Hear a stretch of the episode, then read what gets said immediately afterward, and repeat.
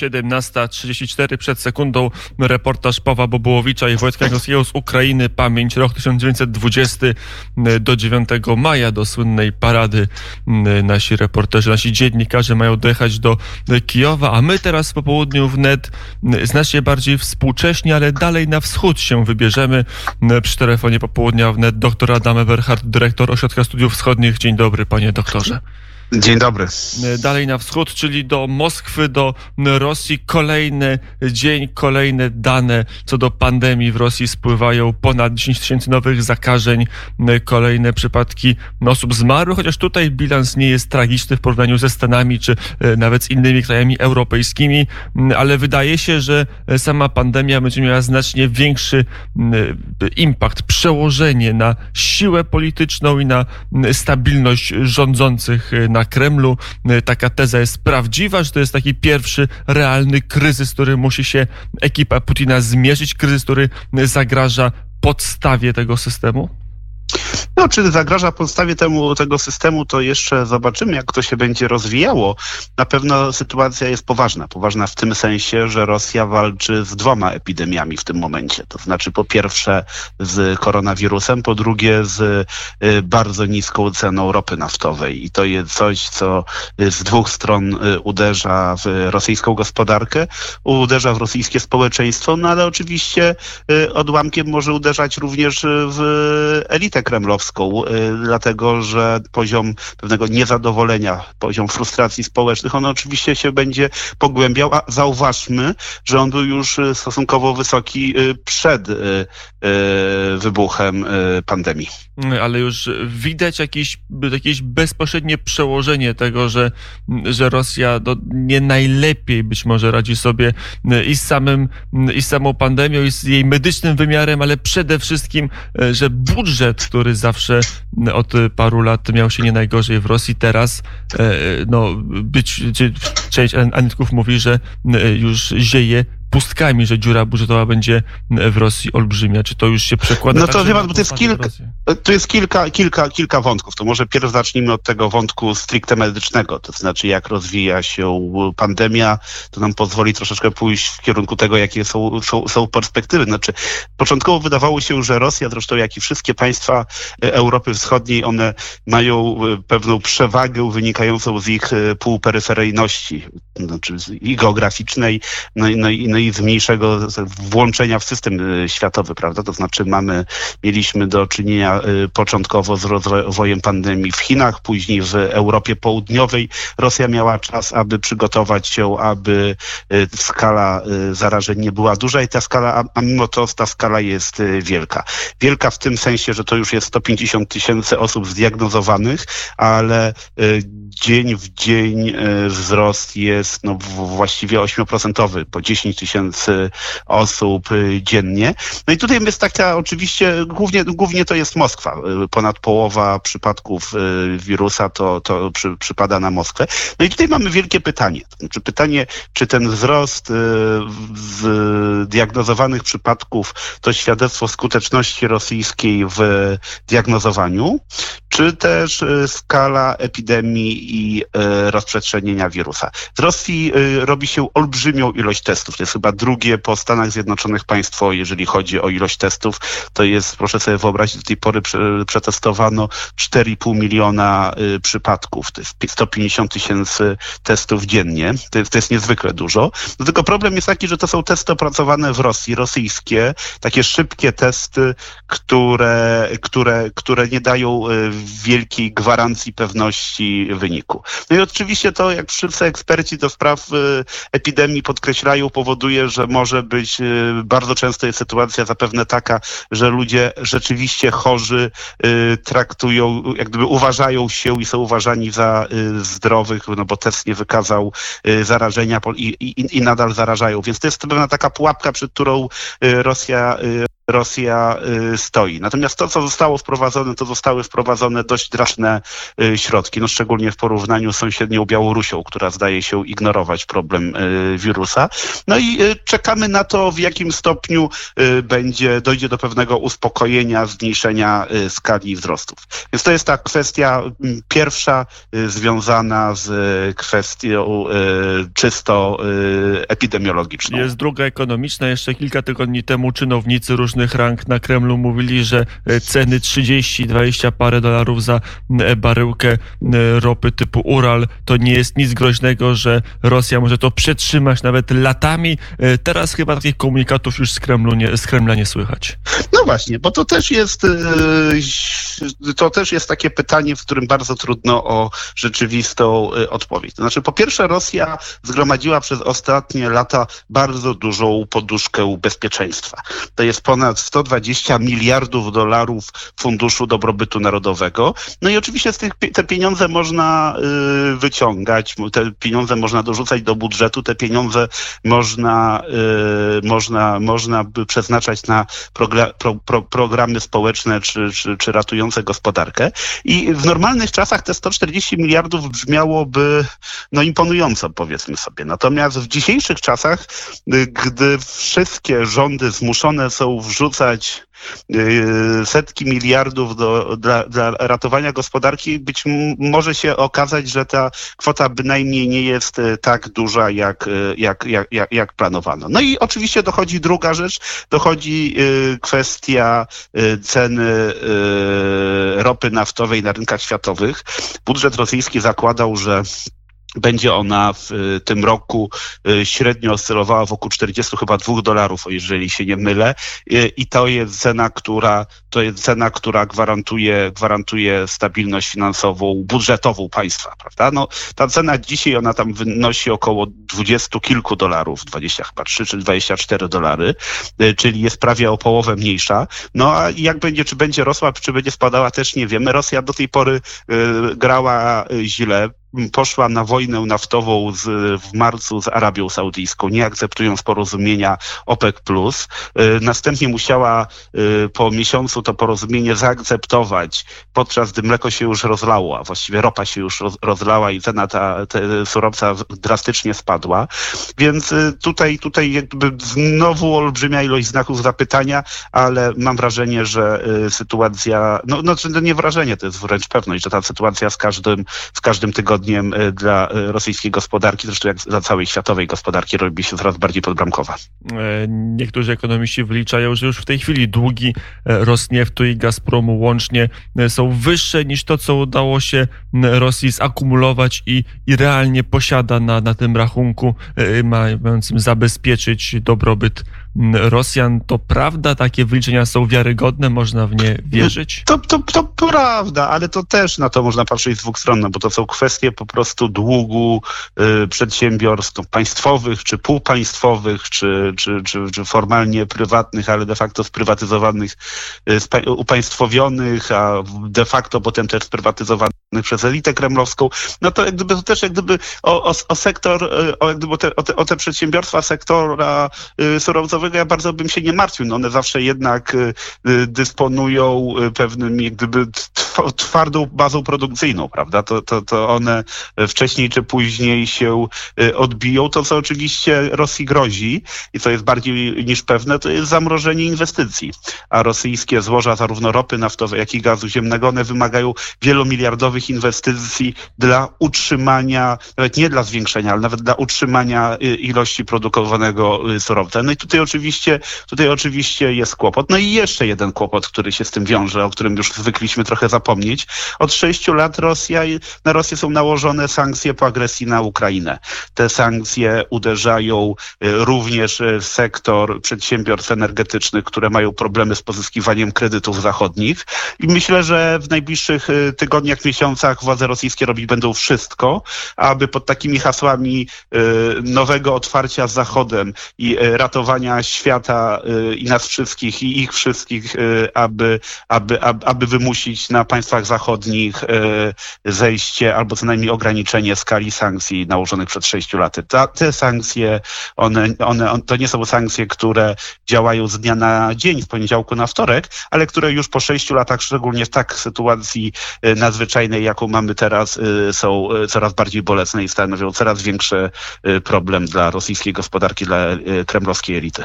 A mamy już takie sygnały, że pandemia i kryzys gospodarczy to będzie swoisty czynnik, który zresetuje e, bilanse w polityce zagranicznej, że teraz powiemy, są rzeczy istotniejsze i już nieważny jest Krym, nieważny jest Donbas, nieważny jest... Tak, trzymajmy się za ręce wspólnie, bo musimy wspólnie pokonać problemy. No, no, no jasne, jasne, że taka jest strategia, jasne, że takie działania są podejmowane na forum y, przez Rosję w odniesieniu do wybranych państw unijnych. Tutaj y, takim przedmiotem ofensywy miłości stały się Włochy, które zostały zdiagnozowane przez Kreml jako te najsłabsze ogniwo Unii Europejskiej na tym etapie, a jednocześnie państwo na tyle silne, na tyle potężne w ramach Unii Europejskiej, że zdolne y, do zablokowania y, polityki unijnej wobec Rosji. Bo tutaj też jedną rzecz trzeba przypomnieć, to znaczy sankcje wobec Rosji, one muszą być jednomyślnie przedłużane co pół roku.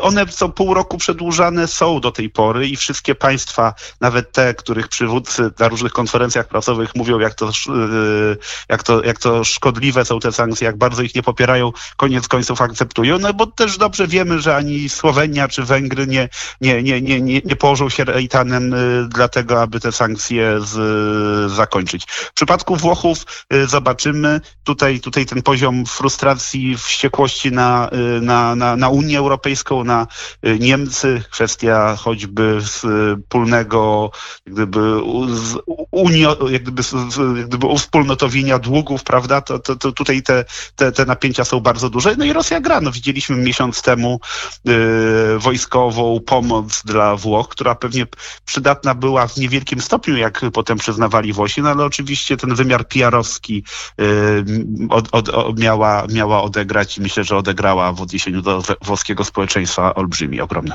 E, trwanie popołudnia wnet dr Adam Emberhardt, dyrektor Ośrodka Studiów Wschodnich. Rozmawiając o Rosji na początku roku wszyscy staraliśmy się wywróżyć, co oznaczają zmiany na szczytach kremlowskiej władzy. Czy to jest przygotowanie do szybkiej sukcesji kogoś po Władimirze Putinie, czy to jest przygotowanie wręcz przeciwne do tego, żeby Putin mógł rządzić wiecznie. Te całe przetasowanie dalej jest aktualne w ramach pandemii, czy teraz trzeba snuć już nowe kalkulacje i, i nowe rozważania, co będzie e, dalej z rosyjską stroną. No jedna rzecz się, Jedna rzecz, panie redaktorze, się zmieniła w tym sensie, że ten mianowany na początku roku premier Miszustin właśnie ma koronawirusa, więc zobaczymy w jakim, kiedy będzie mógł wrócić do, do pracy. Ale tak, jeżeli chodzi o szerszy obrazek, no to oczywiście y, wszystko wskazuje na to, że na Kremlu zapadła decyzja, że Putin ma y, pozostać y, na kolejne lata. Pewnie też dlatego trochę z braku lepszych pomysłów, jak zapewnić stabilność systemu. Putin jest jest nie tylko najwyższym przywódcą państwa, y, ale on jest także pewną rozjemcą i y, gwarantem stabilności różnych grup y, biznesowo-politycznych w otoczeniu kremlowskim. I, I po prostu on jest potrzebny. On jest potrzebny temu systemowi. Zmiana na stanowisku prezydenta, ona generowałaby pewne turbulencje, byłaby, mogłaby być być może dla kogoś korzystna, ale dla kogoś innego niekorzystna. Putin gwarantuje status quo. Planowane było referendum konstytucyjne, zostało ono na razie y, przełożone, ale to jakby coś, co się odwlecze, to nie uciecze też mam wrażenie. Znaczy przede wszystkim na tym etapie y, mamy pewien syndrom konsolidacji społeczeństwa wokół flagi. Czyli czyli, czyli, czyli to nie jest tak, że zaraz Rosjanie wyjdą na ulicę protestować przeciwko e, Putinowi. Tym bardziej, że jeżeli się sytuacja generalnie pogarsza, to Rosjanie są bardziej zmuszeni koncentrować się na indywidualnych strategiach przetrwania, nawiązaniu końca z końcem. Dużo mniej jest tego elektoratu protestu. Ten protest w Rosji, jak patrzymy na ostatnich 20 e, lat, one, one, one generalnie wynikały z wzrostu aspiracji, za którymi nie szła zmiana w Rosji. Teraz tych aspiracji nie ma, teraz jest tylko i wyłącznie, jak mówię, wiązanie końca z końcem. Więc tutaj z punktu widzenia Putina ja bym wielkich, wielkich zagrożeń nie widzę, jakby takich naocznych zagrożeń dzisiaj nie, nie, nie widzę. Natomiast no, też pamiętajmy, że każdy system autokratyczny, on jest jakoś tam, jakby to powiedzieć, niestabilny ze swojej definicji. To znaczy wydaje się, że wszystko jest dobrze, że wszystko działa, aż pewnego dnia ludzie wychodzą na ulicę, aż pewnego dnia to, ta, ta, ta, ta wściekłość, to niezadowolenie, ono się zaczyna wylewać. Dzisiaj Putin stara się y, przerzucać odpowiedzialność na władze regionalne, pokazywać, że to na poziomie regionów y, mają sobie radzić y, z pandemią, no ale, no, ale no przecież wszyscy i tak wiedzą, gdzie, gdzie jest realna władza, gdzie ona jest skoncentrowana i kto realnie i tak pociąga za wszelkie sznurki. Z drugiej strony zawsze są obawy, że kiedy w Rosji są kłopoty, kiedy władza rosyjska ma kłopoty, to szuka podbudowy swojej legitymizacji na zewnątrz poprzez agresywną politykę. Teraz też są takie sygnały, że, że być może jak w skarbcu jest pustka, to warto go napełnić nową wojną? Czy, czy... No to oczywiście, że tak, bo to też taka jest niekończąca się dyskusja, czy Rosja jest bardziej agresywna i groźna wtedy, kiedy jest bogata, czy biedna, prawda? To znaczy ja bym powiedział tak, z jednej strony jak jest bogata, to ma pieniądze na, na, na, na, na różne tego typu historie, na różne, na, na różne y, działania ekspansjonistyczne. Z drugiej strony jak jest biedna, to tak jak pan mówi, y, wówczas pojawia się potrzeba, pokusa, aby, aby y, konsolidować społeczeństwo tymi, tymi działaniami. To, co mi się wydaje najważniejsze z punktu widzenia działań agresywnych Rosji w polityce zewnętrznej nie jest to, czy Rosja jest w danym momencie biedna czy bogata, czy jest prosperity czy kryzys, tylko raczej ważne jest to, jaki jest kontekst zewnętrzny, w jakim stopniu otwiera się pole manewru. A mam wrażenie, że na kremlowscy y, politolodzy, politycy, oni uważają, że to okno możliwości dzisiaj się otwiera. Po pierwsze, y, y, wiara w Rosji jest w koniec relacji transatlantyckich. Po drugie, wiara w Rosji jest w koniec y, integracji europejskiej. Po trzecie, wiara w Rosji jest w koniec w ogóle systemu demokratycznego jako takiego, który gorzej sobie rzekomo radzi z pandemią niż autokratyzm chiński czy rosyjski. I Rosja uważa, że daje to pewną możliwość pewnej presji, już nie tylko w takiej doraźnym, taktycznym wymiarze, o którym rozmawialiśmy, jak zniesienie sankcji, prawda? Ale, ale, ale przebudowania, przemodelowania y, ładu międzynarodowego i to jeżeli chodzi o kwestie relacji z Zachodem. No ale oczywiście też pozostaje to własne podwórko, ale, to znaczy własne w rozumieniu tylko takim kremlowskim, prawda? Czyli, czyli, czyli to bliskie sąsiedztwo. Y, po pierwsze wojna na Ukrainie, która się to ciągle toczy, no i y, apetyty rosyjskie, jeżeli chodzi o Białoruś, która bardzo specyficznie sobie radzi albo właściwie nie radzi Y, z koronawirusem, bo prezydent Łukaszenko postanowił kompletnie go zignorować. No to tutaj pan doktor wywołał ostatni temat, który mnie interesował w naszej rozmowie, czyli właśnie Białoruś, bo to był drugi temat w relacjach Rosji, który myśmy żyli, czyli ten nacisk Putina na, na Łukaszenkę, żeby w jakimś sensie włączyć już formalnie Białoruś w jego władzę, czy, czy jako państwo związkowe, czy w innych zależnościach.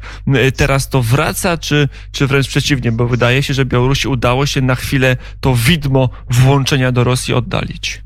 No to widmo to, no, to, to tak y, krąży nad Białorusią y, od 20 lat i, i albo, i, albo i dłużej. I, I rzeczywiście ta presja rosyjska, ona narasta. Też zobaczymy, jak będzie wyglądała pandemia. To znaczy, Aleksander Łukaszenka y, uznał, że nie ma co zamykać gospodarki, nie ma co wprowadzać izolacji. Najlepsze na wirusa jest wódka i jazda traktorem. Bym dodał, że nie jednocześnie. I, i, i, i, i zobaczymy, i zobaczymy znaczy wszystko wskazuje na to, że po pierwsze y, pandemia w, na Białorusi będzie, przybierze y, olbrzymie, olbrzymie rozmiary no, no, na skutek braku tej izolacji społecznej, a po drugie nie uda się Białorusi osiągnąć tego, co zamierza, to znaczy nie uda się uniknąć kryzysu, bo i tak to jest jednak gospodarka otwarta, y, jeżeli chodzi o eksport, jeżeli chodzi o, o, o, o, jest bardzo czuła na, na, na, na kontekst gospodarczy zewnętrzny, również na ceny ropy naftowej. Paradoksalnie spadek cen ropy naftowej dla Białorusi. Białorusi nie służy, bo ona je przetwarza. Te marże spadają również, jeżeli chodzi o produkty naftowe produkowane na Białorusi, więc mam wrażenie, że na Białorusi może, może ten kryzys być dużo większy, głębszy niż w, nawet w sąsiedniej Rosji, a to może budować również w białoruskim społeczeństwie poczucie frustracji, że Łukaszenka o nas nie zadbał, że Łukaszenka z, zignorował problem, że Łukaszenka pozwolił na to, aby nasi weterani umie, umierali na wirusa, bo, bo, bo nie wprowadził żadnych działań ochronnych i, i, i to oczywiście myślę, że tego typu przekaz będzie również podsycany przez media kontrolowane przez Kreml i myślę, że to może być pewnym dodatkowym czynnikiem osłabiającym legitymizację poparcie dla Łukaszenki. A pamiętajmy, że na Białorusi zbliżają się w, na jesieni wybory prezydenckie. To nie jest istotne w sensie samych wyborów, no bo wiadomo, że i tak opozycja nie jest dopuszczana w nich do głosowania, i tak one są pewnym rytuałem, e, a nie, a nie, a nie realnym głosowaniem i realnym wyborem, ale to jest ważne dlatego, że e, każde wybory na obszarze postsowieckim, w tym na Białorusi, one mogą stanowić pewien impuls y, do protestów społecznych, do, y, do, do, do, do uzewnętrznienia przez społeczeństwo y, swojego niezadowolenia. I, i, i to, jest, to jest wielkie pytanie. Czy Rosja będzie starała się wykorzystać kryzys na Białorusi gospodarczy, a być może także humanitarny związany z koronawirusem, aby, aby, aby, aby y, przypieczętować swoją y, obecność, aby pogłębić swoje wpływy, aby przejść w kierunku być może nawet scenariusza bardziej inkorporacyjnego. Y, na pewno takie plany, na pewno takie scenariusze są kreślone na Kremlu, a czy będą realizowane, no to wszystko zależy od rozwoju wydarzeń i szczególny, szczegółowych możliwości, przed którymi Rosja w najbliższych miesiącach stanie. To już ostatnie pytanie o same społeczeństwo białoruskie, bo jeżeli się okaże, że rzeczywiście ten oryginalny oryginalny sposób podejścia do pandemii, jaki e, przedstawiają władze e, w Mińsku. Wiedzie to, czy e, Białorusini, zwłaszcza ci młodzi, będą wyczekiwać ratunku w Moskwie, czy raczej w Zachodzie i raczej to będzie bardziej okcydentalny ruch niż, niż proputinowski. No właśnie to jest taki problem, że ta Rosja staje, znaczy, że po pierwsze dla przeciętnego Białorusina nie ma alternatywy wewnątrz Białorusi, prawda? Łukaszenka stworzył taki model, w którym y, jedyną wyobrażalną władzę sprawować może tylko i wyłącznie on. Y, Unia Europejska postrzegana jest jako odległa y, również w kryzysie, również zajęta sama sobą. I tak paradoksalnie ten Putin, Rosja, one, on, oni pojawiają się dla, tych, dla, dla, białoruskiego społeczeństwa zmęczonego Łukaszenką, zmęczonego tą stagnacją, tym, że on rządzi od roku, proszę Państwa, 94, czyli już od 20 sześciu lat, tak? To, to, to, to, to, to, to tak naprawdę okazuje się, może się okazać, że Rosja i Putin to jest zmiana dla tych wszystkich spragnionej zmiany na Białorusi. I to może być oczywiście wykorzystywane już nie tylko przez rosyjską propagandę, ale przez rosyjską politykę. No i teraz trzeba byłoby się zapytać, jakie znaczenie ma słowo zmiana dla Białorusinów, ale to już jest rozmowa natury lingwistycznej którą e, kiedyś e, w odniesieniu do Białorusi trzeba będzie odbyć. Doktor Adam Eberhard, dyrektor Ośrodka Studiów Wschodnich, był gościem popołudnia wnet. Dziękuję bardzo za rozmowę. Dziękuję za zaproszenie. Skłaniam się. E, jest godzina 17.57 i to był ostatni akcent w dzisiejszym popołudniu wnet. Już za chwilę podsumowanie dnia i a wcześniej wiadomości. Ja mówię Państwu do usłyszenia. Dziękuję Marcinowi Głosowi za realizację i dziękuję Janowi Olenckiemu za wydawanie do usłyszenia.